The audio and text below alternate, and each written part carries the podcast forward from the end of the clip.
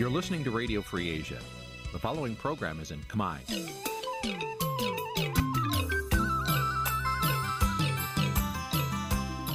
Nǐ chi càm bi tiệp xáy vệt chiu a zì sê ray នេះជាកម្មវិធីផ្សាយរបស់ Vithu Azisari ជាភាសាខ្មែរ វត្តឈូអាស៊ីសេរីសូមស្វាគមន៍លោកអ្នកនាងទាំងអស់ពីរដ្ឋធានី Washington នៃសហរដ្ឋអាមេរិក ចាប់ពីរដ្ឋធានី Washington នាងខ្ញុំម៉ៅសុធានីសូមជម្រាបសួរលោកអ្នកស្ដាប់ទាំងអស់ជាទីមេត្រី ចាយើងខ្ញុំសូមជូនការផ្សាយសម្រាប់ព្រឹកថ្ងៃសុក្រ15កើតថ្ងៃពេញបរមី ខែស្រាប ឆ្នាំខាលចត្វាស័កពុទ្ធសករាជ2566ហើយដល់ត្រូវនឹងថ្ងៃទី12ខែសីហាគ្រិស្តសករាជ2022ជាដំបូងនេះសូមអញ្ជើញលោកអ្នកនាងកញ្ញាស្ដាប់ព័ត៌មានប្រចាំថ្ងៃដែលមានមេត្តាដូចតទៅ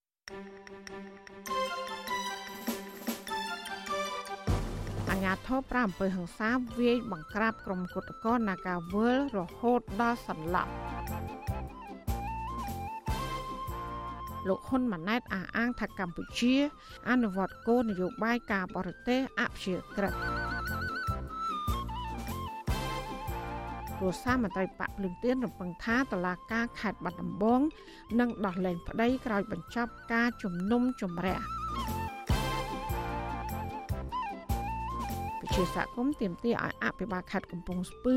ប្រកួតដីព្រៃមេតាធម្មជាតិដល់ពួកគេវិញ រួមនឹងព័ត៌មានសំខាន់សំខាន់មួយចំនួនទៀតចាត់ជាបន្តទៅទៀតនេះនាងខ្ញុំម៉ៅសុធានីសូមជូនព័ត៌មានទាំងនោះពឺស្ដាប់ ចាលោកនាងជាទីមេត្រីអាញាធរនិងសន្តិសុខក្រុងភ្នំពេញ បានវេដំទាំងកំរោទៅលើក្រុមគុតកោនាការវើដែលជាស្ត្រី បណ្ដាលឲ្យរងរបួសជាច្រើនអ្នករហូតដល់បែកឈាមនិងសន្លប់ក្នុងពេលដែលពួកគាត់បន្តចេញធ្វើកោតកម្មទាមទាររកដំណោះស្រាយវិវាទការងារជាមួយនឹងក្រុមហ៊ុន Nagavel អំពើហិង្សាពីក្រុមអាជ្ញាធរនេះគឺកើតមានឡើងនៅបន្ទាប់ពីក្រុមគុតកោ Nagavel ព្យាយាមដើរទៅកាន់អគារកាស៊ីណូ Nagavel ដើម្បីសម្ដែងការតវ៉ារកដំណោះស្រាយពីចំនួនការងារជាមួយក្រុមហ៊ុនបនលបៃនេះអស់រយៈពេលជាច្រើនខែមកហើយ។ចាសសេចក្តីរាយការណ៍ពីស្ដាប់ពីរឿងនេះលោកណានៀងនឹងបានស្ដាប់នាពេលបន្តិចទៀតនេះ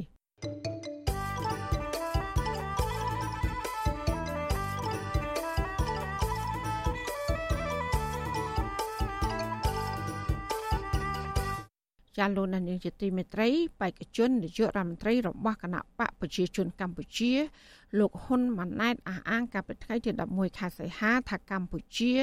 អនុវត្តគោលនយោបាយការបរទេសអព្យាក្រឹតលោកហ៊ុនម៉ាណែតថ្លែងដូចនេះនៅក្នុងកម្មវិធីសម្ពោធរោងចក្រដំឡើងរថយន្ត Ford របស់ក្រុមហ៊ុន RMA ក្នុងវីដេអូឃ្លីប ជិត10នាទីដែលបានបង្ហោះនៅលើ Facebook របស់លោក ថាកម្ពុជាបានអនុវត្តគោលនយោបាយការបរទេសមិនលំអៀងទៅប្រទេសណាមួយឡើយដោយតែបានចែងនៅក្នុងរដ្ឋធម្មនុញ្ញស្រាប់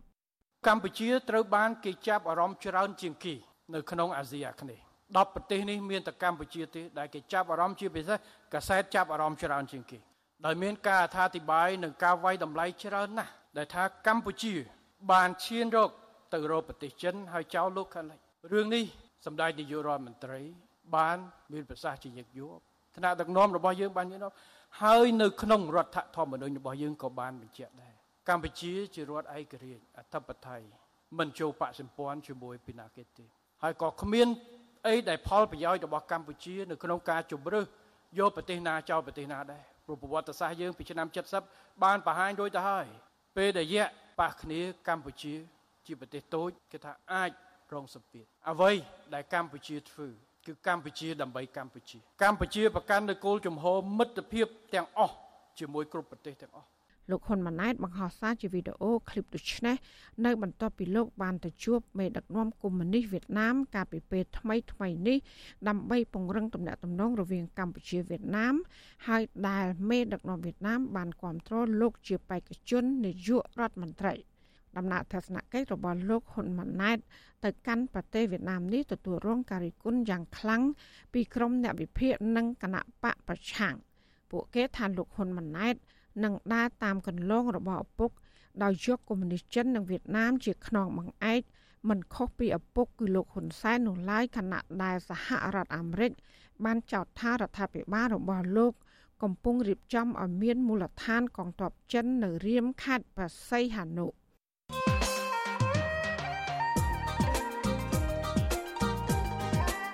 ចាលោកនានីជាទីមេត្រីក្រុមអ្នកវិភាគលើកឡើងថាបេក្ខជននាយករដ្ឋមន្ត្រីតពូជពីឪពុកគឺលោកហ៊ុនម៉ាណែតហាក់បីដូចជាគ្មានឧបសគ្គអ្វីឡើយដោយថ្មីថ្មីនេះមានទាំងការគ្រប់គ្រងពីមេដឹកនាំកុម្មុយនីសចិននិងវៀតណាមថែមទៀតផងតើដំណើរទស្សនកិច្ចរបស់លោកហ៊ុនម៉ាណែតទៅកាន់ប្រទេសវៀតណាមថ្មីថ្មីនេះជជែកពីបញ្ហាអ្វីខ្លះចុះអ្នកប្រជាធិបតេយ្យវិញតើគួរត្រៀមខ្លួនបែបណាសម្រាប់អ្នកបន្តវេន ចាសសូមលោកអ្នកនាងកញ្ញារងចាំស្ដាប់នីតិវិទ្យាអ្នកស្ដាប់វិទ្យុអសីសេរី ដែលនឹងជជែកអំពីបញ្ហានេះនៅយប់ថ្ងៃសុក្រនេះកុំបីអាខានលោកអ្នកនាងអាចសាកសួរវាគ្មិនរបស់យើងឬក៏បញ្ចេញមតិយោបល់ដោយដាក់លេខទូរស័ព្ទរបស់លោកអ្នកនៅក្នុងខ្ទង់ comment Facebook ឬ YouTube របស់វិទ្យុអសីស្រីហើយក្រុមការងាររបស់យើងនឹងហៅទៅលោកអ្នកនាងវិញចាសសូមអរគុណ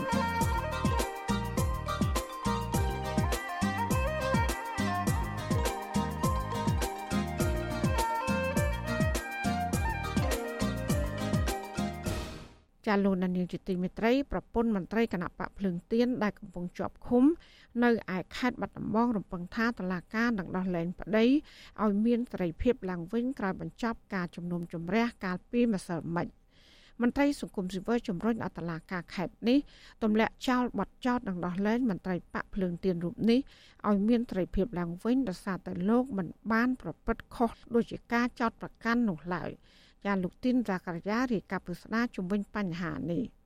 តុលាការខេត្តបាត់ដំបងបានសម្រេចបើកសវនាការជំនុំជម្រះមន្ត្រីគណៈបកភ្លើងទៀនលោកលីសុខុនពីបទរំលោភលើលំនៅឋាន នៅព្រឹកថ្ងៃទី11សីហាក្រោយពីឃុំខ្លួនអស់រយៈពេលជាង2ខែមកនេះពាក់ព័ន្ធនឹងករណីថតរូបអាញាធមមូលដ្ឋាននិងមន្ត្រីគណៈបកប្រជាជនកម្ពុជាអង្គុយកត់ឈ្មោះបរដ្ឋដល់ទៅបោះឆ្នោតឃុំសង្កាត់ប្រពន្ធរបស់លោកលីសុខុនគឺលោកស្រីលីនលីដា ប្រាប់វិទ្យុអាស៊ីសេរីនៅថ្ងៃទី11សីហាថានៅក្នុងសវនាការចៅក្រមបានសាកសួរទៅកាន់ប្តីរបស់លោកស្រី ថាបានចូលទៅក្នុងលំនៅឋាននោះដែរឬទេនិងពីមូលហេតុនៃការចូលទៅទីនោះលោកស្រីបន្តថាប្តីលោកស្រីនិងសាកសីម្នាក់ទៀតបានអះអាងថាលោកមិនបានចូលទៅក្នុងរបងផ្ទះឈ្មោះសុកលឹមនោះឡើយ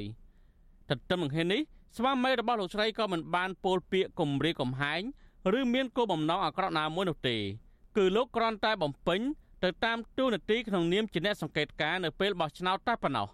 លោកស្រីស្នើឲ្យតុលាការកាត់ក្តីដោយយុត្តិធម៌និងដោះលែងប្តីឲ្យត្រឡប់មករស់នៅជួបជុំគ្រួសារវិញសូមសំណូមពរដល់ខាងតឡាការសូមឲ្យគាត់កាត់ក្តីសូមឲ្យបានដោះលែងគ្រួសារខ្ញុំត្រឡប់មកវិញឲ្យមានសេរីភាពព្រោះអីគាត់អត់មានទោសកំហុសអីទេចឹងណាអ្នកដែលដាក់ពាក្យបណ្ដឹងក៏គាត់មកដកពាក្យបណ្ដឹងអីហើយអស់ហើយចឹងវាអត់មានរឿងអីទេមេធាវីការពារក្តីឲ្យលោកលីសុខុន គឺលោកមេធាវីសំសកុងឲ្យដឹងថា នៅក្នុងសវនាការចៅក្រមនឹងព្រះអាញារងសួរផ្ដោតទៅលើចំណុចថាតើលោកលីសុខុនពិតជាបានចូលទៅក្នុងបរិវេណផ្ទះនោះដែរឬទេលោកថាបើយោងទៅតាមភ័ស្តុតាងជាក់ស្ដែងនឹងការផ្ដោតចម្លើយពីសាកសីផ្ទះរបស់លោកសុកលីមមិនមានរបងនោះទេព្រមទាំងមានចាក់សាបស៊ីម៉ង់នៅក្បែរផ្លូវលោកបន្តថាផ្អែកតាមអង្គហេតុនិងផ្លូវច្បាប់ ការចោទប្រកាន់ពីបទរំលោភនៅឋាន លុះត្រាតែជនបង្ក បានប្រព្រឹត្តអំពើហិង្សា មានកលល្បិចឬគំរាមកំហែងណាមួយដើម្បីចូលលំនៅឋាននោះលោកបន្តថាក្នុងសំណុំរឿងនេះមិនមានភ័ស្តុតាងណាមួយបញ្ជាក់ថាកូនក្តីរបស់លោកពិតជាបានចូលទៅក្នុងលំនៅឋានឈ្មោះសុកលីមនោះឡើយដោយផ្ទះនោះគ្មានរបងនិងនៅជាប់មាត់ផ្លូវដែលនេះចាត់ទុកថាស្ថិតនៅទីកន្លែងសាធារណៈលោកស្នើឲ្យតុលាការពិចារណាលើអង្គហេតុនិងដោះលែងកូនក្តីលោកឲ្យមានសេរីភាពឡើងវិញ ព្រោះការខំខ្លួនមានរយៈពេលយូរដែលមិនមានសមាមាត្រនិងទំហំរឿងក្តីនេះទេយោងតាមការសន្និដ្ឋានទាំងនេះលោកចាត់ទុកកូនក្តីរបស់លោកគឺលោកលីសុខុនមិនមែនកំពុងស្ថិតនៅក្នុងការដោះស្រាយបញ្ហាទៅតាមផ្លូវច្បាប់នោះទេ ប៉ុន្តែជារឿងក្តីដែលមានទំនោរទៅខាងនិន្នាការនយោបាយដោយសារក្នុងរឿងនេះវាពាក់ព័ន្ធនឹងដំណើរនយោបាយដែលថាគោលក្តីជាវត្តលេខទៅខំហ្នឹងគាត់ជាកម្មជនរបស់គណៈបកអភិវឌ្ឍនៅខេត្តបាត់ដំបងហ្នឹងហើយអង្គហេតុដែលកើតឡើងគឺកើតឡើងនៅក្នុងពេលដែលបោះឆ្នោតហើយគាត់ដើរជួយពិនិត្យអំពីអ្នកផ្សេងៗដែលគាត់មានបំណងថាជួបជុំឬក៏ទិញទឹកចិត្តអ្នកបោះឆ្នោតហ្នឹងវាធ្វើឲ្យកើតរឿងកើតឡើងសវនាការជំនុំជម្រះបានចាប់ផ្ដើមនៅម៉ោង9ព្រឹកនិងបញ្ចប់ទៅវិញនៅម៉ោងជាង10ព្រឹកថ្ងៃទី11សីហានេះ ក្នុងអង្គសាវនាការមានវត្តមានចៅក្រមចំនួនជំរះក្តីអ្នកស្រីហៃណៃហេងបរិយាអាញារងលោកសេងផានិតនិងមេធាវីការពារក្តីលោកសំសុគង្គជាមួយគ្នានេះក៏មានដើមបណ្ដឹងឈ្មោះឡាញ់ជុនអាយុ70ឆ្នាំជាមួយសាកសី2នាក់គឺលោកស្រីអឿនសារិតដែលត្រូវជាប្អូនស្រីបង្កើតដើមបណ្ដឹងនិងជាមេភូមិកំពង់សម្បួរនិងលោកសុភ័ក្រជាសាកសីរបស់លោកលីសុខុនក្រោយបញ្ចប់សវនាការ តុលាការសម្រេចលើកពេលទៅប្រកាសសាលក្រមនៅថ្ងៃទី25សីហាខាងមុខតើតើនៅរឿងនេះវិទ្យុអាស៊ីសេរីពុំអាចតកតងអ្នកនាំពាក្យសាលាដំបងខេត្តបាត់ដំបងនៅស្រីជាច័ន្ទរស្មីដើម្បីសុំការបកស្រាយបន្ថែមជំវិញនឹងករណីនេះបានទេនៅថ្ងៃទី11សីហាអ្នកសម្របសម្រួលផ្នែកឃ្លាំមើលការរំលោភសិទ្ធិនៃអង្គការលីកាដូប្រចាំនៅខេត្តបាត់ដំបងលោកអិនកុងចិត្តដែលជាអ្នកទៅឃ្លាំមើលសវនាការនេះឲ្យដឹងថាចៅក្រមនឹងព្រះអាញារងបានសួរដេញដោលទៅលោកលីសុខុននិងសាក់សី ថាបានចូលហួសផុតពីរបងទៅក្នុងផ្ទះឈ្មោះសង្លៀមដារតេក្នុងថ្ងៃកើតហេតុលោកលីសុខុននិងសាក់សីបានឆ្លើយថាពួកគេមិនបានចូលទៅក្នុងលំនៅឋាននោះទេដែលគ្រាន់តែឈរនៅខាងក្រៅថតវីដេអូនិងបានសួរថាប្រាក់នៅនឹងដៃឈ្មោះឡាញ់ជុនជាប្រាក់អ្វីដោយសារលោកខ្លាចមានសំណោកសោកប៉ាន់តែប៉ុណ្ណោះក្នុងពេលនោះដោយឈ្មោះឡាញ់ជុនឆ្លើយថាជាលុយលក់ត្រីឯលោកលីសុខុនក៏សុំទោសហើយក៏ចាកចេញពីទីកន្លែងនោះទៅ ដោយឡែកសាកសីរបស់ដើមមិនដឹងគឺមេភូមិកំពង់សម្បួរឈ្មោះអឿនសរិទ្ធអះអាងថាលោកលីសុខុនបានឈានជើងចូលហួសព្រំរបងប៉ុន្តែនៅក្នុងរូបភាពដែលបង្ហាញដោយមេធាវីផ្ទះឈ្មោះសុកលឹមធ្វើនៅជាប់ផ្លូវថ្នល់និងគ្មានរបងនោះទេដោយមានផ្ទាំងជញ្ជាំងនៅខាងមុខសម្រាប់បាត់បើកប្រើដៃត្រង់ជាចន្ទុលនិងចាក់សាបសេម៉ង់ជាប់នឹងផ្លូវថ្នល់បន្ទាប់មកចៅក្រមបានសួរទៅកាន់លោកលីសុខុនថា តើទៅទីនោះដើម្បីធ្វើអ្វីលោកលីសុខុនឆ្លើយថាលោកដើរល្បាតនិងឃ្លាំមើលភាពមិនប្រក្រតីក្នុងពេលបោះឆ្នោតពីព្រោះមានប្រជាពលរដ្ឋរាយការណ៍មកថានៅខាងមុខការិយាល័យបោះឆ្នោត មានការទិញស្លឹកឆ្នោតដូច្នេះលោកត្រូវថតរូបទុកជាភ័ស្តុតាងឲ្យកោជបទៅតាមទូនាទីរបស់លោកជាអ្នកសង្កេតការតែប៉ុណ្ណោះក្រោយមកចៅក្រមបានសួរឈ្មោះឡាញ់ជុនថាហេតុអ្វីប្តឹងលោកលីសុខុននិងហេតុអ្វីបានជាដកពាក្យប្តឹងវិញឈ្មោះលីជុនបានឆ្លើយថា លោកបានប្តឹងប្រតែលោកលីសុខុនបានបង្ហោះរូបភាពដែលលោកកំពុងតែកាន់លុយហើយបង្ហោះនៅលើបណ្ដាញសង្គម Facebook តែក្រោយមកលោកបានដកពាក្យប្តឹងវិញដោយសារលោកលីសុខុនបានលុបរូបភាពនោះចោលហើយក្រុមគ្រួសាររបស់លោកក៏មកសំទោសផងដែរជាមួយគ្នានេះលោកអិនកុងចិត្តជំរុញឲ្យតុលាការពិនិត្យលើអង្គហេតុនិងទម្លាក់ចោលបទចោទប្រកាន់លោកលីសុខុននិងដោះលែងលោកឲ្យមានសេរីភាពឡើងវិញ ក្នុងនាមសង្គមស៊ីវិលដែលខ្ញុំបានទៅខ្លំមើលផ្ទាល់ខ្ញុំសង្ឃឹមនិងជឿជាក់ថាលោកស្រីចៅក្រមជំនុំជម្រះនឹងពិចារណាលើអង្គនៃក្តីនេះដោយសុភវិនិច្ឆ័យពុះនិងផ្ដល់ភាពយុត្តិធម៌ដល់រូបលោកលីសុខុននាពេលខាងមុខបាទលោកលីសុខុនជាសមាជិកក្រុមការងារគណៈបកភ្លើងទៀននៅស្រុកអាយភ្នំដែលត្រូវបានសមត្ថកិច្ចចាប់ខ្លួននៅថ្ងៃទី8មិថុនានៅហាងកាហ្វេមួយកន្លែងដោយចោទប្រកាន់ពីបទរំលោភលំនៅឋាន បន្ទាប់ពីលោកបានថតវីដេអូក្រុមមន្ត្រីគណៈបកកណ្ដាលអំណាចអង្គុយកត់ឈ្មោះបរដ្ឋនៅថ្ងៃបោះឆ្នោតក្រុមប្រឹក្សាឃុំសង្កាត់ប៉ុន្តែដើមបណ្ដឹងបានដកពាក្យប្តឹងវិញហើយដើម្បីបញ្ចប់រឿង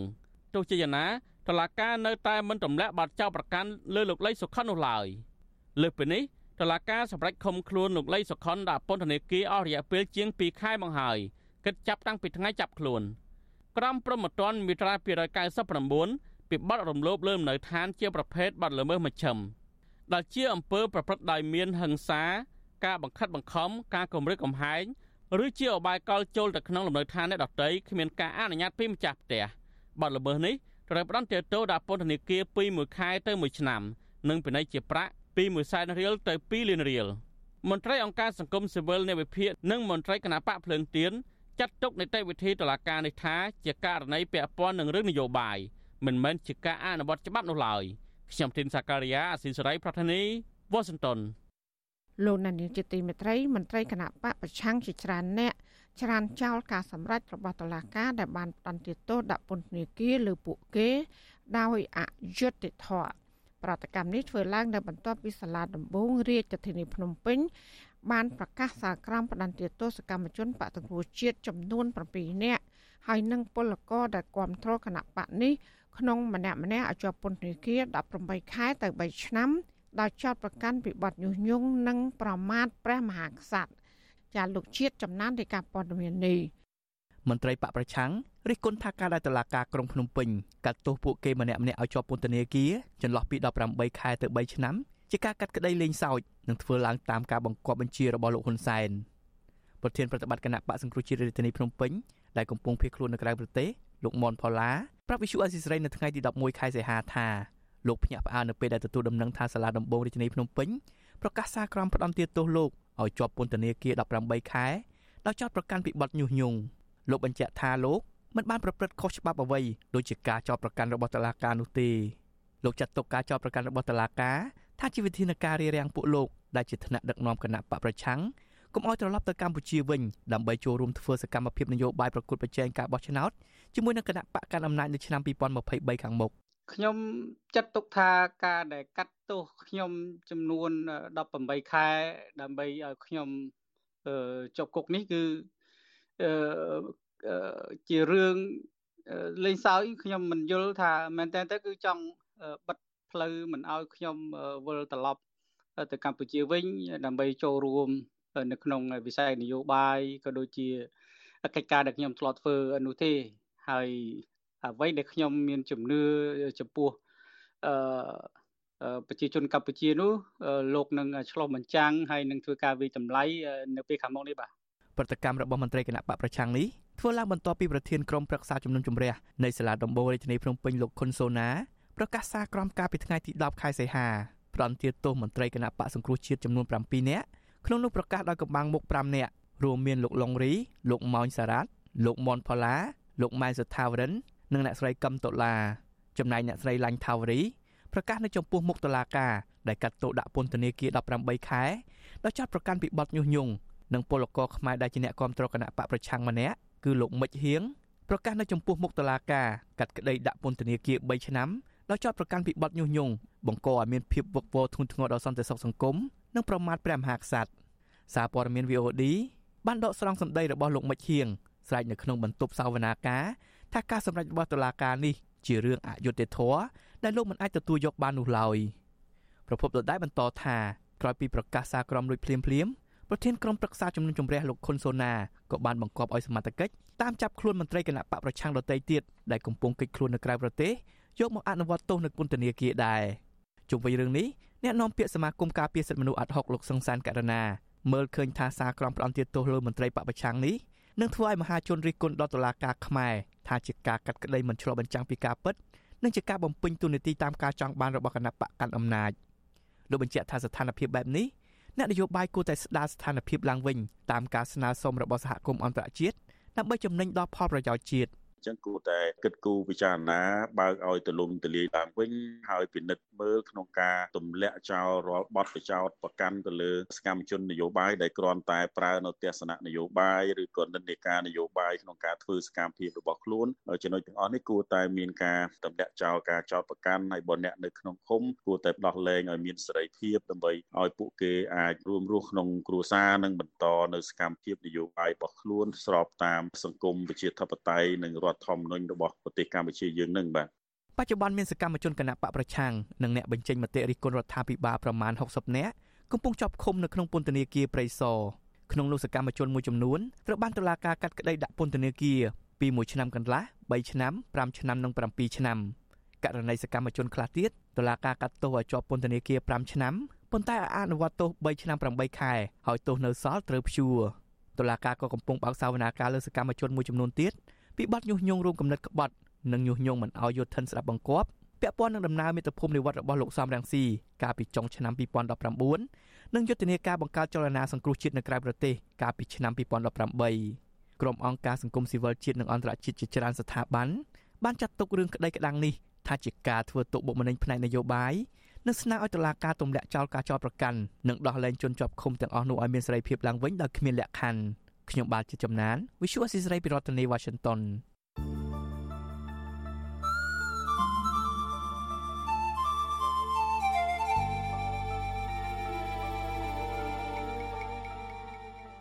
ចាលោកដានៀងជាទីមេត្រីអាញាធរនិងសន្តិសុខក្រុងភ្នំពេញ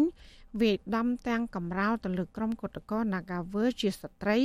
បណ្ដាលឲ្យរងរបួសជាច្រើនអ្នករហូតដល់បែកឈាមនិងសន្លប់ក្នុងពេលដែលពួកគាត់ បន្តចេញធ្វើកតកម្មទាមទាររកដំណោះស្រាយដើម្បីបញ្ចប់វិវាទការងារជាមួយនឹងក្រុមហ៊ុន Nagavel អំពើហិង្សាពីក្រុមអាជ្ញាធរនេះកើតមានឡើងនៅបន្ទាប់ពីក្រុមកុតកោ Nagavel ព្យាយាមដើរទៅកាន់អគារកាស៊ីណូ Nagavel ដើម្បីសម្ដែងការតវ៉ារកដំណោះស្រាយពីចំនួនការងារនេះជាមួយក្រុមហ៊ុនបនលបែងកាស៊ីណូ Nagavel អស់ជាច្រើនខែមកហើយ កាលពីថ្ងៃម្សិលមិញនេះក្រុមតំណាងសមាគមនិងសហជីពជាង20ស្ថាប័នក៏បានដាក់ញត្តិទៅក្រសួងកាងារឲ្យបញ្ឈប់ការចាប់ប្រកាន់ការលាបពណ៌និងការគំរាមកំហែងលើតំណាងសហជីពដែលឈឺឆ្អាលចំពោះវិវាទក្រុមហ៊ុន Nagavel ចាប់ពីរដ្ឋធានី Washington អ្នកស្រីសុជីវីមានសេចក្តីរាយការណ៍ពុស្ដាជំវិញព័ត៌មាននេះកងកម្លាំងសមត្ថកិច្ចចម្រុះនិងសន្តិសុខក្រុងភ្នំពេញប្រមាណ80នាក់ ដែលដាក់ពង្រាយចាំការពារក្រុមហ៊ុន Nagavel បានបើកប្រតិបត្តិការបង្ក្រាបដោយហិង្សាទៅលើកោតក្រ Nagavel ជាស្ត្រី បណ្ដាលឲ្យរបួសជាច្រើនអ្នកនៅរសៀលថ្ងៃទី11ខែសីហាក្នុងនោះស្ត្រីកោតក្រម្នាក់ត្រូវអាជ្ញាធរដាល់ចំច្រមុះរហូតចេញឈាមពេញមុខនិងដួលសន្លប់រយៈពេលខ្លីចំណែកស្ត្រីកោតក្រផ្សេងទៀតមានស្នាមជួមជាច្រើនកន្លែងដោយសារអាជ្ញាធរបានចាប់ទាត់ធាក់និងរុញច្រានទាំងកំរោល អំពើហិង្សានេះកើតឡើងក្នុងពេលដែលក្រុមកោតក្រនៃក្រុមហ៊ុន Nagavel បានព្យាយាមដើរឆ្លងកាត់របងបិទផ្លូវដែលអាជ្ញាធរបានដាក់ដើម្បីរារាំងអ្នកទាំងនោះកុំឲ្យទៅឈរធ្វើកោតកម្មនៅខាងមុខអគារកាស៊ីណូក្រុមកោតក្រ Nagavel និងមន្ត្រីសិទ្ធិមនុស្សថ្កោលទោសចំពោះទង្វើរបស់អាជ្ញាធរដែលប្រើហិង្សាទៅលើកោតក្រដែលធ្វើកោតកម្មដោយអហិង្សាស្របច្បាប់ពួកគេចាត់ទុកទង្វើហិង្សារបស់ក្រុមសមត្ថកិច្ចនេះថាជាការរំលោភសិទ្ធិមនុស្សនិងរំលោភបំពានច្បាប់ កោតក្រ Nagavel ម្នាក់លោកស្រីប៊ុនស៊ីណារៀបរាប់ទាំងទឹកភ្នែកថាពួកលោកស្រីឈឺចាប់ជាខ្លាំងនៅពេលក្រុមហ៊ុននិងអាជ្ញាធរគ្មានក្តីមេត្តារកដំណោះស្រាយតែបែរជាវាយធ្វើបាបពួកគាត់ជាស្ត្រីទុនខ្សោយឲ្យរងរបួសគ្រប់ពេលចេញតវ៉ាឥឡូវនេះខ្ញុំមកមកទៀមទាសិតមកទៀមទារកចិត្តធម៌តែមិនទាន់បានដំណោះស្រាយតែនាងខ្ញុំត្រូវសមត្ថកិច្ចធាក់មួយជើងតាមប្រទៅទៀតចាសួរថា តើវិវាទការងារនេះតើត្រូវត្រូវឲ្យពួកខ្ញុំទាំងអស់នឹងរងទៅរដ្ឋកម្មពីសមត្ថកិច្ចប្រហែលដងទៀតទៅវិវាទនេះត្រូវបានដោះស្រាយចប់ឆ្លើយតបនឹងរឿងនេះអ្នកនាំពាក្យរដ្ឋបាលរាជធានីភ្នំពេញបានអះអាងថាមូលហេតុដែលនាំឲ្យមានការប៉ះទង្គិចគឺការចេញពីក្រមកោតកោបានទៅកំទេចបំផ្លាញរនាំងឬបារះរបស់អាជ្ញាធរឲ្យខូចខាតជិត20ផ្ទាំង និងបានជេរប្រមាថប្រើហិង្សាលើសមត្ថកិច្ចដែលបានឈរស្ដាក់ដៃគ្នារារាំងក្រុមកោតកោដែលអ្នកនាំពាក្យចោទថាប៉ុនប៉ងធ្វើឲ្យប៉ះពាល់សន្តិភាពសាធារណៈសេចក្តីប្រកាសព័ត៌មានរបស់អ្នកនាំពាក្យដដែលចេញកាលពីថ្ងៃទី11ខែសីហាបន្តថាអាញាធមមានភ័ស្តុតាងគ្រប់គ្រាន់សម្រាប់ចងក្រងសំណុំរឿងបញ្ជូនទៅស្ថាប័នតុលាការពាក់ព័ន្ធនឹងការចោទប្រកាន់ពីសកម្មភាពបំផ្លិចបំផ្លាញទ្រព្យសម្បត្តិសាធារណៈប្រើហិង្សា និងប្រមាថមន្ត្រីរាជការជាមួយគ្នានេះកាលពីព្រឹកថ្ងៃទី11ខែសីហាក្រុមកោតក្រ Nagavel មួយចំនួននិងតំណាងសមាគមសហជីពចំនួន24ស្ថាប័នដែលមានគ្នាប្រមាណ50នាក់បានជួបជុំគ្នាទៅដាក់ញត្តិជូនក្រសួងកាងារដោយស្នើសុំពីចំណុចទី1ស្នើទម្លាក់ចោលបទចោទប្រកាន់លើតំណាងសហជីពឯករាជ្យអ្នកស្រីយ៉ាងសុភ័ណ្ឌថាជាអ្នកនៅពីក្រោយការធ្វើកោតកម្មដោយក្រសួងធ្លាប់ចោទកន្លងមក ទី2ស្នើសុំជួបរដ្ឋមន្ត្រីក្រសួងការងារដោយផ្ទាល់ក្នុងការស្វែងរកដំណោះស្រាយវិវាទការងារដែលអូសបន្លាយជាង10ខែមកហើយក្រុមកោតក្របានបដិសេធនឹងក្រសួងការងារដែលបានចោទប្រកាន់ប្រធានសហព័ន្ធសហជីពកម្ពុជាអ្នកស្រីយ៉ាងសុភ័ណ្ឌជាអ្នកដឹកនាំឲ្យធ្វើកោតកម្មនោះថាជាការមួលបង្កាច់និងទាមទារឲ្យសងភាពស្អាតស្អំទៅអ្នកស្រីវិញកោតក្រក្រុមហ៊ុន Nagavel លោកណាំទីវ៉ននិយាយនៅមុខក្រសួងការងារថាការធ្វើកោតកម្មរបស់បុគ្គលិក Nagavel កន្លងមក មិនមានអ្នកណាម្នាក់នៅពីក្រោយឬមានអ្នកអុចអាលនោះទេគឺកើតឡើងដោយឆន្ទៈរបស់កោតក្រជាង1000នាក់ដែលមិនសុខចិត្តនឹងការបញ្ឈប់បុគ្គលិកទាំងបំពេញនិងមិនមានការទូទាត់សំណងឲ្យបានសមរម្យពីសំណាក់ថៅកែក្រុមហ៊ុនបនលបៃមួយនេះលោកបន្ថែមថាក្រុមហ៊ុនមានបំណងកាច់បំបាក់សហជីពមិនឲ្យងើបតវ៉ាបានទើបសម្រេចដកសិទ្ធិរបស់សហជីពមិនឲ្យមានវត្តមាននៅក្នុងក្រុមហ៊ុនតទៅទៀតប៉ុន្តែទោះយ៉ាងណា លោកថាក្រុមកោតក្រមិនចុះញោមនិងតវ៉ាទាមទារ ឲ្យថៃកែព្រមទទួលយកបុគ្គលិកចូលធ្វើការវិញអ្វីដែលពួកយើងធ្វើបានគឺដាក់លិខិតទៅគ្រប់ក្រសួងទាំងអស់ដើម្បីឲ្យមានការដោះស្រាយបន្តមុននឹងយើងធ្វើកោតកម្មនេះប៉ុន្តែភាគីក្រសួងអត់មានបានចេញមកដោះស្រាយទេអញ្ចឹងទើបពួកយើងបោះឆ្នោតដោយសមាជិកទាំងអស់ដើម្បីធ្វើកោតកម្មនេះឡើងអញ្ចឹងអ្វីដែលពួកយើងធ្វើតាមនីតិវិធីច្បាប់ពួកយើងធ្វើបានអស់ហើយហើយសិទ្ធិនៅក្នុងកោតកម្មគឺបានចែងនៅក្នុងច្បាប់គឺធ្វើនៅប្របរបងក្រុមហ៊ុនប៉ុន្តែជាក់ ស្រដៀងគ្នានេះដែរកោតក្រក្រុមហ៊ុន Nagavel ម្នាក់ទៀតអ្នកនាងមុំសុវត្ថិនហៅអាទីនប្រាប់ថាករណីដែលក្រសួងការងារចោតប្រកាន់លើប្រធានសហព័ន្ធសហជីពកម្ពុជាអ្នកស្រីយ៉ាងសុភ័ណ្ឌគឺជាការចោតប្រកាន់ដោយគ្មានភ័ស្តុតាងជាក់លាក់អ្នកនាងបញ្ជាក់ថាក្រសួងពាក់ព័ន្ធមានបំណងធ្វើឲ្យយឺតយ៉ាវនិងគ្មានឆន្ទៈដើម្បីរកដំណោះស្រាយឲ្យកោតតកបានទាន់ពេលវេលា តែចង់បញ្ចប់បែរអត់មានសមត្ថភាពក្នុងការដោះស្រាយបែរជាចោតគេចោតឯងដើម្បីអស់បន្លាយពេលវេលាកាលណាទៅអស់បន្លាយពេលវេលាធ្វើឲ្យសេដ្ឋកិច្ចរបស់កោតកោគឺគេហៅថាខ្សែខ្សែធនយើងនិយាយពីថាខ្សែធនចុះនៅពេលដែលខ្សែធនគឺកោតកោអាចនឹងបោះបង់ការតស៊ូនឹងអញ្ចឹងការចោតប្រកាន់នេះគឺជាចេតនានៅក្នុងការមិនចង់ដោះស្រាយហើយក៏ពន្យាពេលនៃការដោះស្រាយវិទ្យុអាស៊ីសេរីមិនអាចតាក់ទងសុំការបកស្រាយបំភ្លឺជុំវិញបញ្ហានេះពីអ្នកនាំពាក្យក្រសួងការងារលោកហេងសួរបានទេ នៅល្ងាចថ្ងៃទី11ខែសីហាដោយទូរស័ព្ទហៅចូលតែគ្មានអ្នកទទួលប្រធានសហជីពប្រចាំក្រុមហ៊ុន Nagavel កញ្ញាឈឹមស៊ីធលើកឡើងថាកញ្ញាខកចិត្តចំពោះទង្វើរបស់មន្ត្រីក្រសួងកាងារដែលជាអ្នករកដំណោះស្រាយឲ្យជនរងគ្រោះតែបែរជាមកគំរាមបំបាក់ស្មារតីអ្នកដែលចេញមុខទាមទារផលប្រយោជន៍ជូនកោតក្រទៅវិញគាត់នៅជាមួយកម្មករនៅពេលដែលឃើញកម្មកររងភាពអយុត្តិធម៌វាមិនមែនជារឿងអីខុសឆ្គងឬក៏មិនមានច្បាប់ណាចែងថាមិនឲ្យឲ្យគាត់ធ្វើបែបនេះទេ ក៏ប៉ុន្តែយើងឃើញថាមានតែរដ្ឋាភិបាលមានតាមរយៈអីគេសាលាក្រុងក្រសួងការងារក្រសួងសុខាភិបាលកលាការអញ្ញាធមគ្រប់លំដាប់ថ្នាក់នៅឈរពាំងពីមុខក្រុមហ៊ុនណាតែពួកគាត់ត្រូវមានទូនាទីនៅឯករាជ្យប៉ុន្តែពួកគាត់ទៅឈរកាន់ជើង Nagawol តែម្ដងគាត់ទៅឈរពាំងមុខ Nagawol ម្ដងហើយអាហ្នឹងគឺជាការហាមដែលដែលមានចែងនៅក្នុងច្បាប់ថាពួកគាត់គឺត្រូវមានទូនាទីនៅក្នុងការសម្របសម្រួលមិនមែនទៅការពារពីពីម្ខាងទេរដ្ឋាភិបាលលោកហ៊ុនសែននិងក្រុមហ៊ុន Nagawol រងការរិះគន់ថាកំពុងតែសហការគ្នា រំលោភទាំងកំរោលទៅលើសិទ្ធិរបស់បុគ្គលិក Nagawal ដែលភ ieck ច្រើនជាស្ត្រីការតស៊ូធ្វើកោតកម្មអហិង្សារបស់កោតក្រ Nagawal មិនត្រឹមតែគ្មានដំណោះស្រាយទេពួកគេថែមទាំងទទួលរងនឹងការបង្ក្រាបដោយហិង្សាជាបន្តបន្ទាប់នៅជាប់របងរដ្ឋសភានិងក្បែរភូមិគ្រឹះលោកនាយករដ្ឋមន្ត្រីហ៊ុនសែនរហូតបណ្ដាលឲ្យកោតក្រមួយចំនួនរងរបួសធ្ងន់មានកោតក្រស្ត្រីម្នាក់បានរលូតកូនក្នុងផ្ទៃ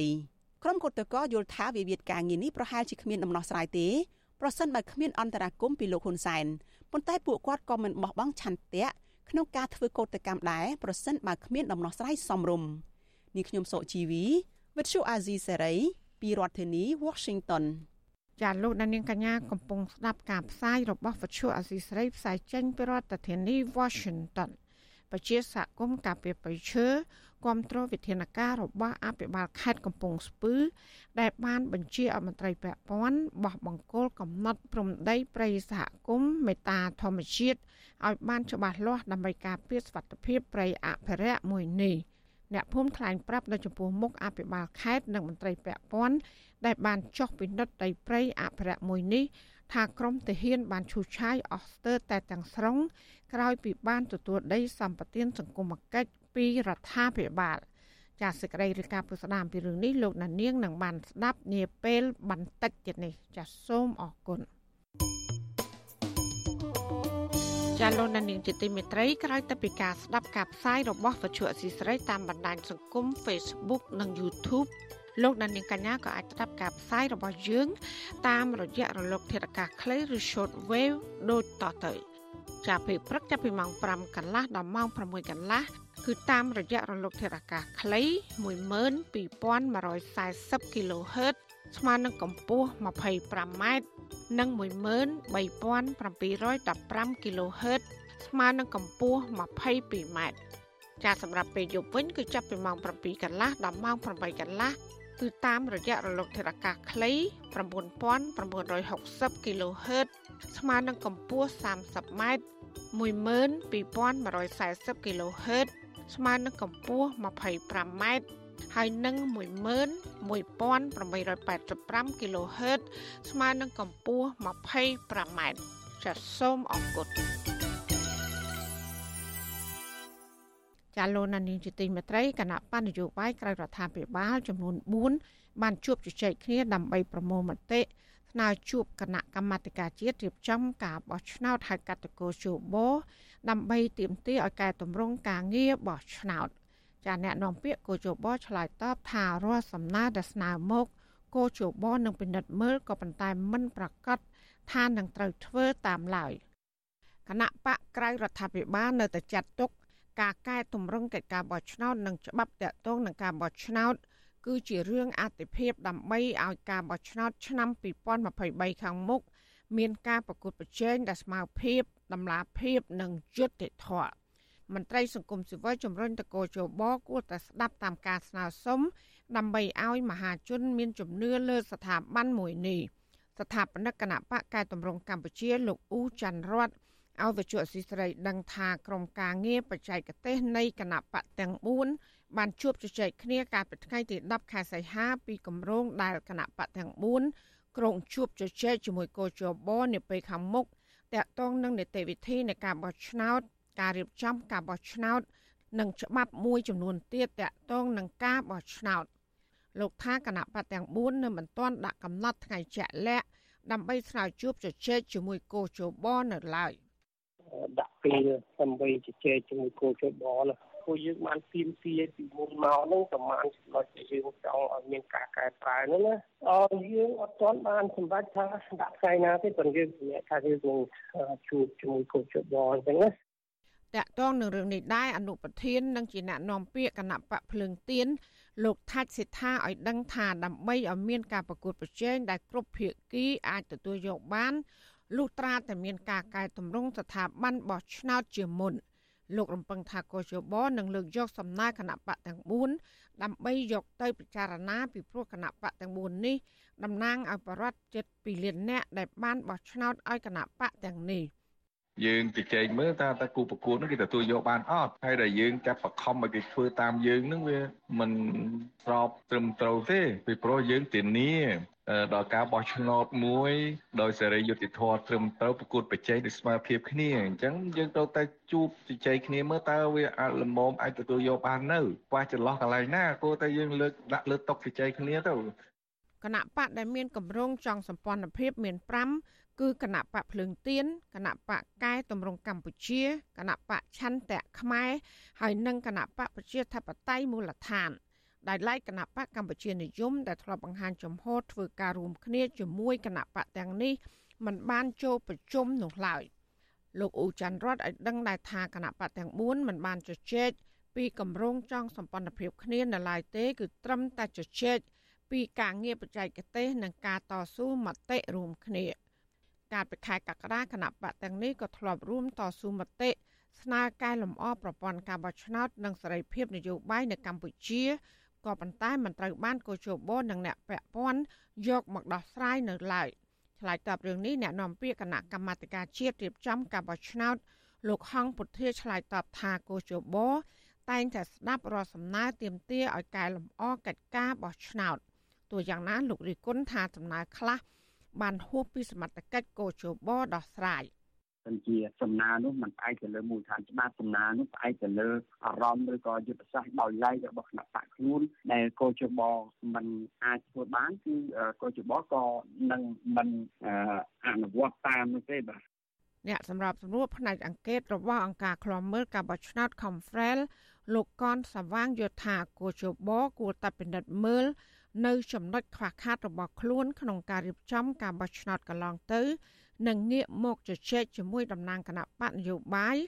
ឬក៏អ្នកពាក់ព័ន្ធដែលទាមទារឲ្យមានការកែតម្រង់ការបោះឆ្នោត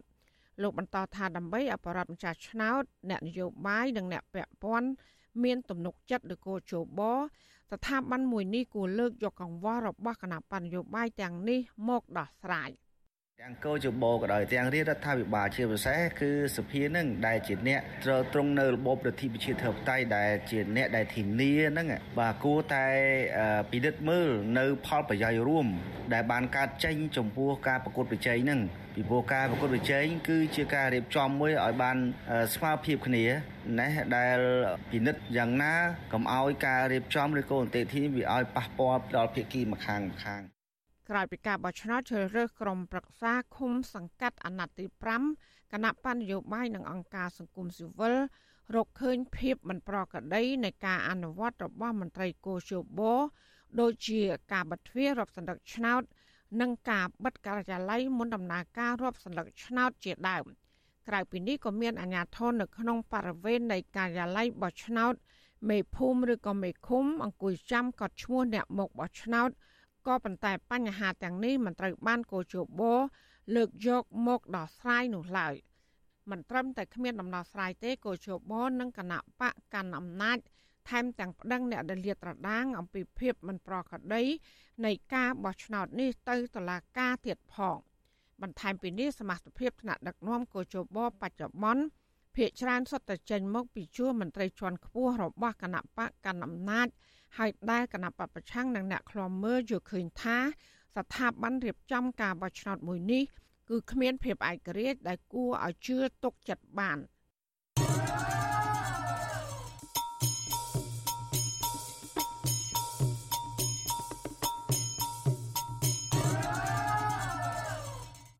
ចាលោកអ្នកស្ដាប់ជទីមេត្រីមន្ត្រីប៉ូលីសជាន់ខ្ពស់នៃក្រសួងមហាផ្ទៃ លើកឡើងថាការផ្សព្វផ្សាយរបស់សារព័ត៌មានអន្តរជាតិមួយចំនួន ដែលនិយាយអំពីក្រុមមន្ត្រីនៅអង្គការដែលស្និទ្ធនឹងលោកនាយករដ្ឋមន្ត្រីហ៊ុនសែន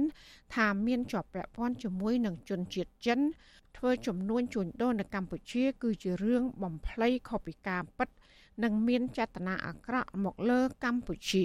ប្រតិកម្មរបស់មន្ត្រីក្រសួងមហាផ្ទៃបែបនេះគឺឆ្លើយតបទៅនឹងស្ថាប័នសារព័ត៌មានអន្តរជាតិ ដែលបានលាតត្រដាងអំពីមន្ត្រីជាន់ខ្ពស់និងក្រុមអុកញ៉ាមួយចំនួនទៀតកំពុងមានទំនាក់ទំនង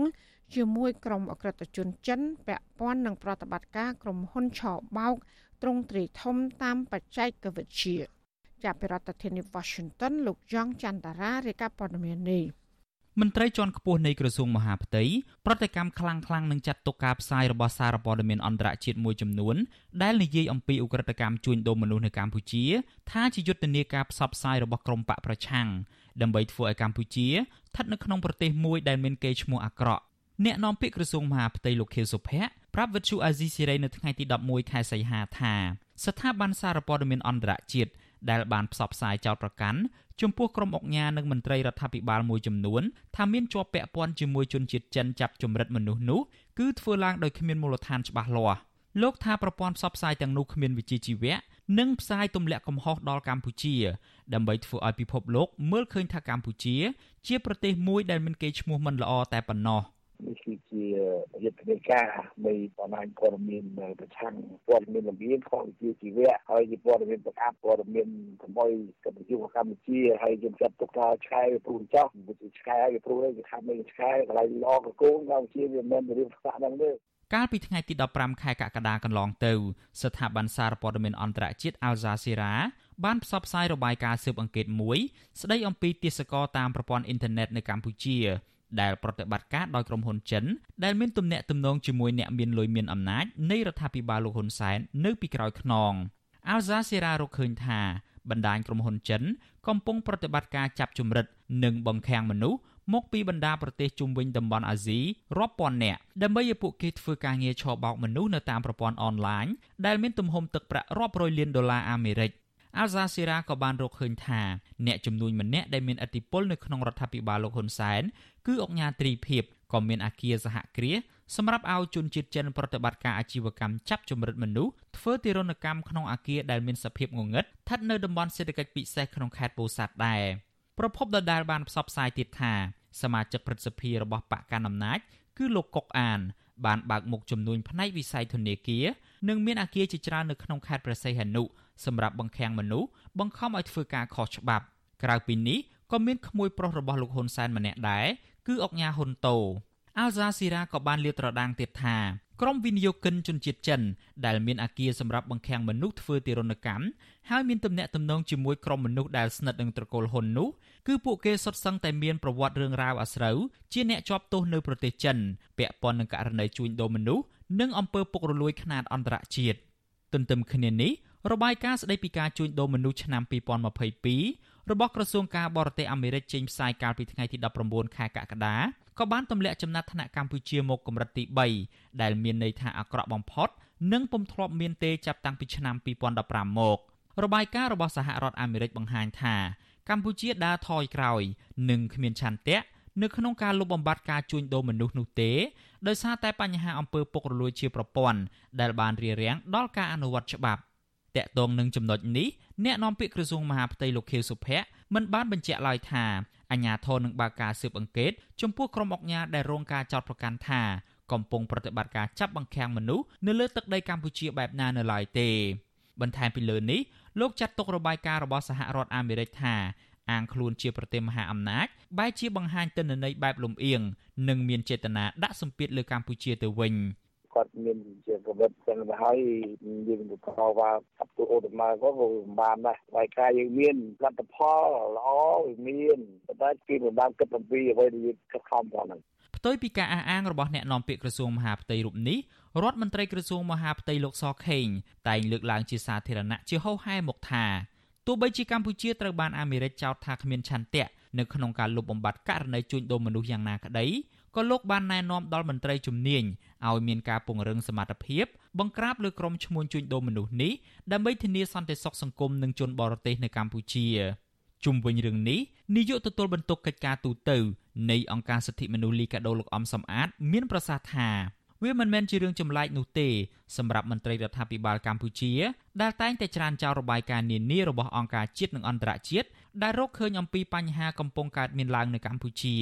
ទោះជាយ៉ាងណា លោកថាទន្ទឹមនឹងការច្រានចោលរបាយការណ៍ដែលលាតត្រដាងពីអំពើឧក្រិដ្ឋជួញដូរមនុស្សនេះរដ្ឋាភិបាលគួរពិចារណាបើកការស៊ើបអង្កេត និងបង្ហាញលទ្ធផលឲ្យមហាជនអស់មន្ទិលសង្ស័យដូចជាករណីជួញដូរមនុស្សអីអាហ្នឹងយើងបើយើងពិនិត្យទៅថាមានការខ្វះខាតខ្វះចន្លោះយើងពង្រឹងបន្ថែមនៅយន្តការឬក៏ការអនុវត្តច្បាប់ ឲ្យបានតឹងរឹងហើយបង្កើនយន្តការឲ្យមានប្រសិទ្ធភាពក្នុងការទប់ស្កាត់ការជួញដូរមនុស្សអានឹងវាល្អប្រសើរផលប្រយោជន៍សម្រាប់កម្ពុជាយើងណាសារព័ត៌មានមួយមួយអានឹងមានក្រមសីលធម៌និងជីវៈរបស់គេដែលគេធ្វើការរកនៅព័ត៌មានដើម្បីដែលធ្វើការចុះផ្សាយណារដ្ឋាភិបាលលោកហ៊ុនសែននិងក្រុមមនុស្សមួយចំនួនដែលស្និទ្ធនឹងរូបលោកបានរងការរិះគន់ធ្ងន់ធ្ងរថាកំពុងមានទំនាក់ទំនងជាមួយនឹងក្រុមហ៊ុនចិនជាច្រើននៅក្នុងខេត្តព្រះសីហនុ ដែលបានបើកប្រតិបត្តិការធ្វើជំនួញបែបឧក្រិដ្ឋកម្មចាប់បង្ខាំងមនុស្សឲ្យធ្វើការឆបោកតាមប្រព័ន្ធអ៊ីនធឺណិតអ្វីត្បិតអ្នកនាំពាក្យក្រសួងមហាផ្ទៃលោកខៀវសុភ័ក្របានប្រឹងប្រែងបកស្រាយនៅក្នុងន័យការពីអ្នកជំនួញក្នុងស្រុកនិងក្រុមហ៊ុនចិនយ៉ាងណាក្តីក៏កន្លងទៅជនបរទេសដែលរួចខ្លួនចេញពីការឃុំឃាំងនោះបានអះអាងថាពួកគេពិតជារងគ្រោះដោយសារអំពើទាំងនោះមែន កន្លងទៅមិនត្រឹមតែសារព័ត៌មានអន្តរជាតិនោះទេអាញាធរប្រទេសមួយចំនួន ដូចជាថៃម៉ាឡេស៊ីនិងឥណ្ឌូនេស៊ីជាដើមសុទ្ធសឹងតែអះអាងថាមានជនជាតិរបស់ពួកគេត្រូវបានចាញ់បោកក្រុមហ៊ុនចិនឲ្យធ្វើការងារខុសច្បាប់ និងត្រូវជនជាតិចិនឃុំឃាំងក្នុងអាគារធ្វើទារុណកម្មក៏ប៉ុន្តែអាជ្ញាធរប្រទេសទាំងនោះបានសហការជាមួយអាជ្ញាធរកម្ពុជា ជួយសង្គ្រោះបានជាបន្តបន្ទាប់ហើយបញ្ជូនទៅប្រទេសកំណើតវិញ ខ្ញុំយ៉ងច័ន្ទដារាវិទ្យុអាស៊ីសេរីរាយការណ៍ពីរដ្ឋធានី Washington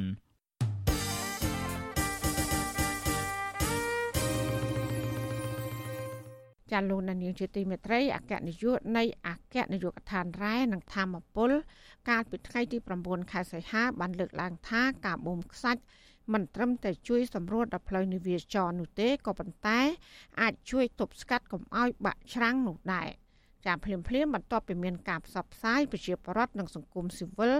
បានប្រតិកម្មថាការលើកឡើងរបស់មន្ត្រីក្រសួងរ៉ែនិងធម្មពលនេះគឺក្នុងបំណងការពារក្រុមហ៊ុនបូមខ្សាច់ដោយខុសច្បាប់ចានេះគឺជាសកម្មភាពរបស់លោកសនច័ន្ទរដ្ឋាជំវិញព័ត៌មាននេះនៅក្នុងពេលធ្វើបទបង្ហាញលទ្ធផលការងារបូកសរុបរបស់ក្រសួងរាយនឹងធម្មពលរយៈពេល5ឆ្នាំនៅទីស្តីការគណៈរដ្ឋមន្ត្រីអគ្គនាយកនៃអគ្គនាយកដ្ឋានរាយលោកអឹងឌីប៉ូឡា កាលពីថ្ងៃទី9ខែសីហាបានលើកឡើងថាក្រសួងរាយនឹងធម្មពលបានធ្វើការស្រាវជ្រាវច្បាស់លាស់ពីផលប៉ះពាល់ដល់សង្គមនិងបរិស្ថានមុនផ្ដល់អាជ្ញាប័ណ្ណបូមខ្សាច់ដល់ក្រុមហ៊ុនហើយកន្លងមកក្រសួងបានផ្ដល់អាជ្ញាប័ណ្ណឲ្យបូមខ្សាច់ត្រឹមតែ3%គឺស្មើនឹង2000ហិកតាតែប៉ុណ្ណោះបើប្រៀបធៀបនឹងផ្ទៃទឹកទន្លេនិងស្ទឹងដែលកម្ពុជាមាន។លោកបន្ថែមថាការបូមខ្សាច់មិនត្រឹមតែជួយសម្រួលដល់ផ្លូវនាវាចរទេ វាក៏អាចជួយទប់ស្កាត់កុំឲ្យបាក់ច្រាំងផងដែរជាមួយគ្នានេះ លោកអឹងឌីប៉ូឡាក៏បានលើកឡើងថាក្រសួងស្វាគមន៍ចំពោះសារព័ត៌មានប្រជាប្រដ្ឋនានាតាក់ទងទៅក្រសួងរាយនឹងធម្មពលចូលមើលផ្ទាល់ពីករណីបាក់ច្រាំងដោយសារការបូមខ្សាច់ពិតប្រាកដការដែលយើងចេញនេះគឺយើងត្រួតពិនិត្យច្បាស់លាស់ណាស់ថាមូលហេតុអីបានយើងត្រូវចេញនៅតំបន់ណាមួយ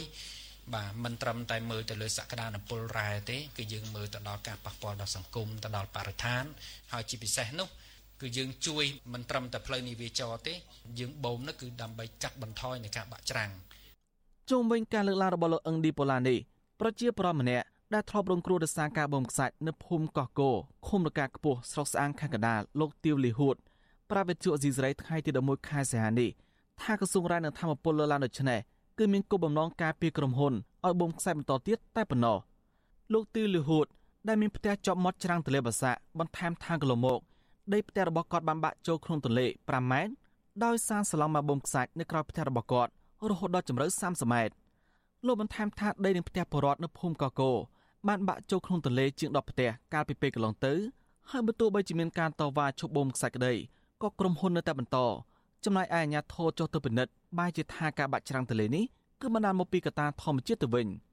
ទៅចឹងគាត់ថាអត់ទាន់បាក់ផ្ទះថាបាក់ផ្ទះសងផ្ទះងាប់គោសងគោងាប់ខ្សែសងខ្សែហើយជុះបើសិនជាងាប់មនុស្សសងអីទេ ហើយដល់ពេលថ្ងៃក្រោយមកចាប់ដើមបាក់ដៃខ្ញុំហាយហាយអាដាមហើយញ៉ាំធួនហ្នឹងមកមើលដល់ពេលមកដល់ខាងអានឹងគ្រោះធម្មជាតិហើយចឹងនិយាយនិយាយទៅអត់និយាយដែរនិយាយបាត់ដៃក្នុងដៃឲ្យអាដាមដោយឡែកអតីតសកម្មជនចលនាមេដាធម្មជាតិដែលធ្លាប់ជាប់ពន្ធនាគារដោយសារការតវ៉ាពីការបូមខ្សាច់មិនត្រឹមត្រូវលោកសានម៉ាឡាយល់ឃើញថាការបូមខ្សាច់ក៏ជួយទប់ស្កាត់ការបាក់ចាំងទន្លេដែរបើការបូមនោះ អនុវត្តត្រឹមត្រូវតាមបទដ្ឋានបច្ចេកទេសតែលោកថាភិជាច្រើនក្រុមហ៊ុនតែបូមខ្សែបំពេញលើបទដ្ឋានដែលក្រសួងបានកំណត់លោកយល់ថាការលើកឡើងរបស់មន្ត្រីក្រសួងរាយនឹងធម្មពលនេះមិនបានឆ្លុះបញ្ចាំងពីទស្សនវិជ្ជាជាក់ស្ដែងនោះទេលោកបានថែមថាក្រសួងរាយនឹងធម្មពលមិនបានចុះពិនិត្យពីផលប៉ះពាល់ពីការបូមខ្សាច់បានត្រឹមត្រូវទេហើយកន្លងមកអាជ្ញាធរតែគ្រប់គ្រងក្រុមហ៊ុនបូមខ្សាច់ហើយគម្រាមដល់បរិវត្តនិងសកម្មជនបរិស្ថាននៅពេលដែលពួកគេតវ៉ាពីផលប៉ះពាល់ពីការបូមខ្សាច់ទៅវិញ លោកសាមាឡាបន្ថែមថាដើម្បីធានាឲ្យការបូមខ្សាច់មិនប៉ះពាល់ដល់បរិស្ថាននិងបរិវត្តរដ្ឋាភិបាលគួរសហការជាមួយអង្គការសង្គមស៊ីវិលនិងសកម្មជនបរិស្ថាន ជាជាងការពីក្រុមហ៊ុន ដែលបន្តបូមខ្សាច់ដោយខុសច្បាប់រដ្ឋាភិបាលគួរតែបើកទូលាយឲ្យមានការចូលរួមពីសំណាក់សាធារណជនក៏ដូចជាអង្គការសង្គមស៊ីវិលដែលពាក់ព័ន្ធពីព្រោះ ការបើកទូលាយឲ្យមានការចូលរួមជាសាធារណៈបែបនេះគឺជួយជំរុញឲ្យប្រតិបត្តិការដែលគាត់ធ្វើការទាញយកខ្សាច់ហ្នឹងអាចប្រកបទៅប្រកបដោយគុណភាពខ្ពស់មានការទទួលខុសត្រូវនិងកាត់បន្ថយនៅអំពើពុករលួយផងដែរកន្លងមកសកម្មជនប្រធាននឹងសង្គមស៊ីវិលតែងលើកឡើងថារដ្ឋាភិបាលកម្ពុជាផ្ដល់អាជ្ញាប័ណ្ណបូមខ្សាច់ដោយមិនបានវិតម្លៃត្រឹមត្រូវពីផលប៉ះពាល់បរិស្ថាននិងសង្គមទេកន្លងមកបើទោះបីជាមានការបាក់ច្រាំងទន្លេ នៅទីតាំងដែលមានការបូមខ្សាច់ក្តីរដ្ឋាភិបាលតែងបកស្រាយថាការបាក់ច្រាំងទន្លេនោះគឺបណ្ដាលមកពីកត្តាធម្មជាតិទៅវិញខ្ញុំសនចាររថាវិទ្យុអេស៊ីសរ៉ៃរាយការណ៍ពីរដ្ឋធានីវ៉ាស៊ីន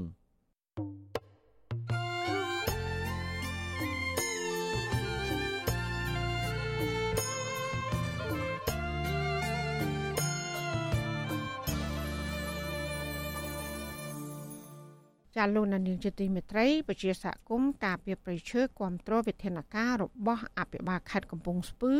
ដែលបានបញ្ជាអមន្ត្រីពាក់ព័ន្ធបោះបង្គោលកំណត់ព្រំប្រទល់ដីព្រៃសហគមន៍មេតាធម្មជាតិឲ្យបានច្បាស់លាស់ដើម្បីការពារសុខភាពព្រៃអភិរក្សមួយនេះដែលនៅសេសសល់អ្នកភូមិថ្លែងប្រាប់បែបនេះនៅចំពោះមុខអភិបាលខេត្តនិងមន្ត្រីពាក់ព័ន្ធដែលបានចុះពិនិត្យដីព្រៃអភិរក្សមួយនេះ ហើយត្រូវបានក្រុមទាហានឈូសឆាយអស់ស្ទើរតែទាំងស្រុងក្រោយពីបានទទួលដីសម្បត្តិសង្គមគិច្ចពីរដ្ឋាភិបាលចាលោកមានរិទ្ធមានសក្តិរកាពុស្ដាជំវិញបញ្ហានេះពជាសហគមន៍ទាំងនោះរស់នៅភូមិពោមាសឃុំតពាំងជោស្រុកអរ៉ាល់បន្តអំពាវនាវឲ្យអភិបាលខេត្តកំពង់ស្ពឺអន្តរាគមផ្ដាល់ដីជាង800ហិកតាមកវិញបន្ទាប់ពីព្រៃស្រោងទាំងនេះត្រូវក្រុមទាហានង70 ឈូសឆាយអស់ជាង400ហិកតា នៅរយៈពេល5ខែចុងក្រោយនេះមកទល់ពេលនេះព្រៃអភិរក្សមួយនេះនៅសល់ព្រៃជាង30ហិកតាតែប៉ុណ្ណោះតំណាងសហគមន៍លោកសយសាទប្រាប់វិសុយស៊ីស្រីនៅថ្ងៃទី11ខែសីហាថាអភិបាលខេត្តកំពង់ស្ពឺ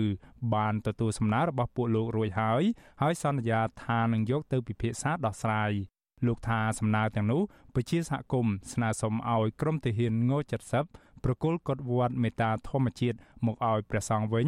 និងបញ្ចប់ការបាញ់កំភ្លើង ការគំរាមកំហែងរួមទាំងការប្រើអំពើហិង្សាទៅលើសមាជិកសហគមន៍ដែលចូលព្រៃប្រមូលអនុផលព្រៃឈើលោកបានថែមថាជំហររបស់ពួកលោកគឺចង់បានដីជាង800ហិកតា ដែលក្រមទាហានបានឈូសឆាយឲ្យคล้ายទៅជាវាលរហោឋាន ត្រឡប់មកវិញដោយត្រូវដាំដើមឈើឡើងវិញ ដើម្បីឲ្យមានកន្លែងសត្វជ្រក រកអនុផលព្រៃឈើនិងខ្វៀលគោក្របីជាដើម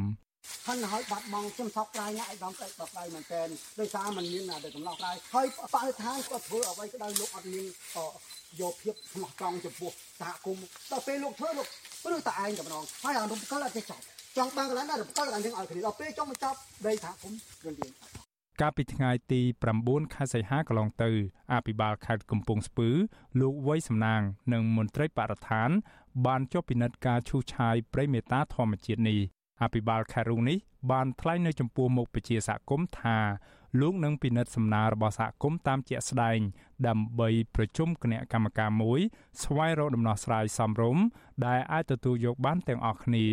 លោកថាមន្ត្រីជំនាញត្រូវសិក្សាពីផលប៉ះពាល់ជាក់ស្ដែងព្រោះតំបន់ឈូឆាយនោះប្រជាសហគមន៍អះអាងថាជាតំបន់ព្រៃឈើច្រើន អភិបាលខេត្តរូនេះបញ្ជាក់ថាលោកនឹងស្នើទៅក្រសួងបរិស្ថានឲ្យបង្ហាញព្រំប្រទល់ដីព្រៃសហគមន៍នេះឲ្យបានច្បាស់លាស់ដើម្បីឲ្យក្រុមការងារវវែងពីទំហំផលប៉ះពាល់ជាក់ស្ដែង និងស្នើសុំជំនួយពីអង្គការសង្គមស៊ីវិលដើម្បីបោះបង្គោលព្រំដីលោកបានណែនាំឲ្យមេទាហានង70បញ្ឈប់ការគំរាមកំហែងទៅលើប្រជាសហគមន៍ហើយប្រសិនបើកើតមានអំពើហិង្សាណាមួយនោះសមត្ថកិច្ចជំនាញត្រូវបញ្ជូនសំណុំរឿងទៅតុលាការសហការជាមួយខាងបរិស្ថានកំណត់ព្រំព្រៃសិនបាទអានោះបានវាបាត់កំណត់កំណត់ព្រំព្រៃនេះវាមានម៉េចទីមួយយកយាមនិកាបានយើងបោះបង្គោលព្រំដាក់សហគមន៍ព្រៃឈើ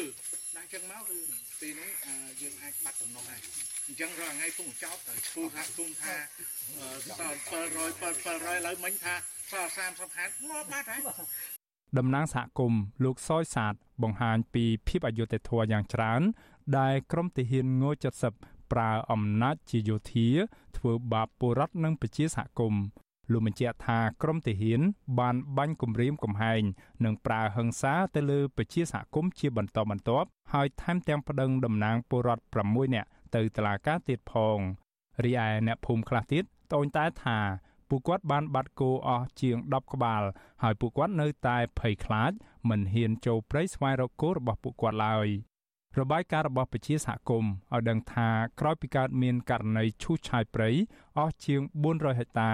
សកម្មភាពបរបាញ់សត្វព្រៃនិងលួចដាក់អន្ទាក់កំពុងកើតមានច្រើន ធ្វើឲ្យសត្វព្រៃជាច្រើនប្រភេទរួមមានដូចជាស្វាទូចក្ងោកនិងជ្រូកព្រៃជាដើមបន្តងាប់និងបាត់ខ្លួន លើសពីនេះទៀតព្រៃសហគមន៍នេះមានសត្វក្ងោកជិត100ក្បាល បច្ចុប្បន្ននៅសល់តែ4ក្បាលប៉ុណ្ណោះសត្វទូច4ក្បាល ដែលតែងតែលូតលេងតាមមែកឈើនៅសល់តែ2ក្បាល ហើយស្វាព្រាមនិងស្វាព្រៃមានសរុបជិត100ក្បាល នៅសល់តែ13ក្បាលតែប៉ុណ្ណោះជុំវិញរឿងនេះលោកហេងកំហុងយល់ថាចំណាត់ការរបស់អភិបាលខេត្តនេះ គឺជារឿងល្អក៏ប៉ុន្តែហាក់យឺតពេលបន្តិចទៅហើយព្រោះព្រៃឈើរាប់រយហិកតាត្រូវបានគេឈូសកំទេចអស់យ៉ាងឆាប់រហ័សលោកស្នើឲ្យអភិបាលខេត្តរុងនេះគួរតែស៊ើបអង្កេតលើអ្នកដែលប្រើអាវុធនិងអំពើហិង្សា ធ្វើបាបពលរដ្ឋបំពានច្បាប់ដើម្បីផ្ដន្ទាទោសតាមផ្លូវច្បាប់លោកហេងកំហុងគិតថាការស៊ើបអង្កេតរឿងនេះក៏ជាការជំរុញឲ្យមានសន្តិភាពធ្នាប់សាធារណៈឡើងវិញហើយក៏ជាគំរូភាពមួយ ចូលរួមដោះស្រាយបញ្ហានានា ដើម្បីបញ្ឈប់ការប្រើប្រាស់អាវុធគំរាមកំហែងពលរដ្ឋតាមអំពើចិត្តមានការដោះស្រាយប៉ុន្តែมันមានការស៊ើបអង្កេតជំនួយករណីនេះហាក់បីដូចជាលើកទឹកចិត្តឲ្យប្រើប្រាស់ជនរបស់នឹងប្រើប្រាស់អាវុធប្រឆាំងទៅលើប្រជាពលរដ្ឋអញ្ចឹងណាហើយនឹងការគម្រាមកំហែងហិង្សាអីអាចឲ្យមានវប្បធម៌នីតិរដ្ឋភាពបន្តកើតមានឡើងកាលពីខែសីហាឆ្នាំ2021កន្លងទៅរដ្ឋាភិបាលបានចេញអនុក្រឹត្យជ្រៀលដីព្រៃសហគមន៍ឧត្តមស្រែពោះ មានទំហំជិត300ហិកតា ពីដែនជម្រកសត្វព្រៃភ្នំអរ៉ាល់នៅក្នុងភូមិពោមាសឃុំតាពាំងជោស្រុកអរ៉ាល់នៃខេត្តកំពង់ស្ពឺ ដើម្បីបែងចែកជូនគ្រួសារយោធិនង70កងរថក្រោះ41គ្រួសារសម្រាប់សង់លំនៅឋាននិងបង្កបង្កើនផលក៏ប៉ុន្តែប្រជាសហគមន៍អះអាងថាមន្ត្រីយោធិនង70បានឈូសឆាយព្រៃអភិរក្សនេះ លើសពីការកំណត់អស់ជាង400ហិកតា ហើយបច្ចុប្បន្នព្រៃសហគមន៍ឧត្តមស្រែពោះនៅសល់តែ30ហិកតាប៉ុណ្ណោះចំណែកឯប្រធានអង្គការប្រឆាំងអំពើពុករលួយទប់ស្កាត់ការបំផ្លាញធនធានធម្មជាតិនិងការពារសិទ្ធិពលរដ្ឋលោកជាហ៊ានទទូចឲ្យរដ្ឋាភិបាល និងអភិបាលខេត្តកំពង់ស្ពឺស៊ើបអង្កេតរកមន្ត្រីខលខូច និងមន្ត្រីយោធាខ្លះដែលប្រើល្បិចកលអាក្រក់ ច្បាមយកដីព្រៃអភិរក្សមួយនេះក្រោមរូបភាពនៃការផ្ដោតដីសម្បត្តិសង្គមគិច្ចមិនប្រក្រតីដោយសារតែទីផ្សារដីឡើងថ្លៃខ្ពស់លោកថាប៉ះសិនបើរដ្ឋាភិបាលមិនដោះស្រាយរឿងនេះឲ្យបានជ្រះស្រឡះនោះទេនោះគោលនយោបាយកាត់បន្ថយភាពក្រីក្ររបស់រដ្ឋាភិបាល នឹងមិនអាចអនុវត្តឲ្យមានប្រសិទ្ធភាពនោះឡើយព្រោះលោកថាគម្រោងស្នើសុំដីសម្បត្តិសង្គមគិច្ចនេះធ្វើឲ្យពលរដ្ឋជាច្រើនមិនសប្បាយចិត្តដោយសារប៉ះពាល់បរិស្ថានសត្វព្រៃនិងជីវភាពពលរដ្ឋជាប្រព័ន្ធព្រៃសហគមន៍ឧត្តមស្រែពោះឬហៅម្យ៉ាងទៀតថាព្រៃមេតាធម្មជាតិគឺជាផ្នែកមួយនៃដែនជម្រកសត្វព្រៃភ្នំអរ៉ាល់ហើយត្រូវបានចុះបញ្ជីទទួលស្គាល់ជាព្រៃអភិរក្សពីក្រសួងបរិស្ថានកាលពីឆ្នាំ2002 ប្រជាសហគមន៍រកឃើញថាផែនទីបង្ហាញពីទំហំផ្ទៃដីព្រៃសហគមន៍ឧត្តមស្រែពោះឬព្រៃមេតាធម្មជាតិមានផ្ទៃដី800ហិកតាក៏ប៉ុន្តែធៀបពិតជាក់ស្ដែងព្រៃនេះត្រូវបានក្រុមអ្នកមានលុយមានអំណាច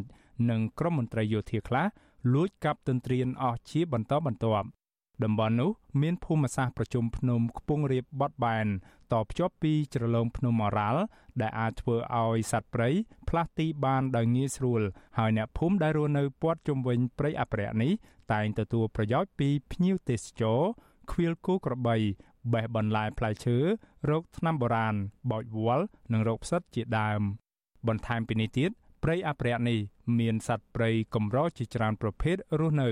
មានដូចជាទូច ស្វាក្ងោកមាន់ព្រៃនិងសត្វឆ្លុះជាដើម ហើយបច្ចុប្បន្នកំពុងប្រឈមទៅនឹងការបាត់បង់ទីជម្រកខ្លះរត់ទៅជ្រកនៅតំបន់ផ្សេងហើយមានសត្វព្រៃខ្លះទៀតត្រូវគេលួចបរបាញ់សម្លាប់ធ្វើអាជីវកម្មជាដើម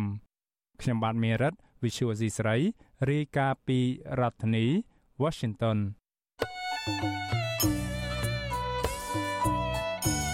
ចាលោកនាងជាទីមេត្រីវັດឈុអសីស្រីសូមជូនដំណឹងថាយើងគ្មានអ្នកយកព័ត៌មានប្រចាំទៅប្រទេសកម្ពុជានោះឡើយបើសិនជាមានជនណាម្នាក់អះអាងថាជាអ្នកយកព័ត៌មានឲ្យវិទ្យុអសីស្រីនៅកម្ពុជានោះគឺជាការក្លែងបន្លំយកឈ្មោះរបស់វិទ្យុអសីស្រីក្នុងគោលបំណងទុច្ចរិតរបស់បុគ្គលនោះចាសសូមអរគុណ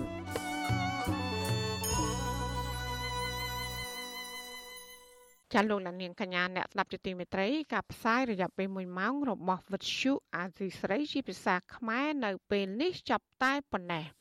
ចាយើងខ្ញុំទាំងអស់គ្នាសូមជូនពរលោកលានាងនិងក្រុមគ្រួសារទាំងអស់សូមជួបប្រកបតែនឹងសេចក្តីសុខសេចក្តីចម្រើន ជានិរន្តរ៍ចានាងខ្ញុំម៉ៅសុធានីព្រមទាំងក្រុមការងារទាំងអស់របស់អាស៊ីស្រីសូមអរគុណនិងសូមជម្រាបលា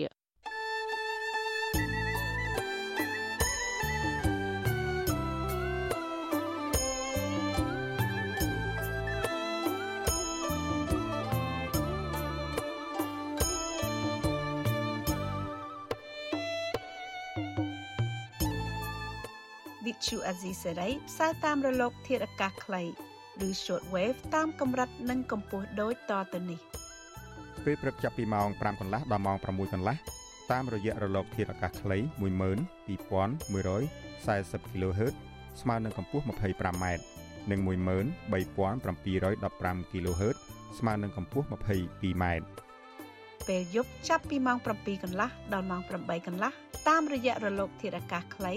9960 kHz ស្មើនឹងកម្ពស់ 30m 12140 kHz ស្មើនឹងកម្ពស់ 25m និង11885 kHz ស្មើនឹងកម្ពស់ 25m លោកអ្នកនាងអាចស្ដាប់ការផ្សាយផ្ទាល់តាមប្រព័ន្ធអ៊ីនធឺណិតដោយចូលទៅកាន់គេហទំព័រ www.rfa.org/ ខ្មែរក្រៅពីនេះលោកអ្នកនាងក៏អាចអាននិងទស្សនាព័ត៌មានវិទ្យុអេស៊ីសេរី លើទូរស័ព្ទដៃរបស់លោកអ្នកផ្ទាល់សូមលោកអ្នកនាងចូលទៅកាន់បណ្ដាញសង្គម Facebook ដែលមានអាសយដ្ឋាន www.facebook.com/rfa cambodia និង YouTube www.youtube.com/rfa khmer video សូមលោកអ្នកនាងចុច like និងចុច subscribe ដើម្បីទទួលបានព័ត៌មានថ្មីៗទាន់ហេតុការណ៍និងទស្សនាវីដេអូផ្សេងៗទៀត បានគ្រប់ពេលវេលា។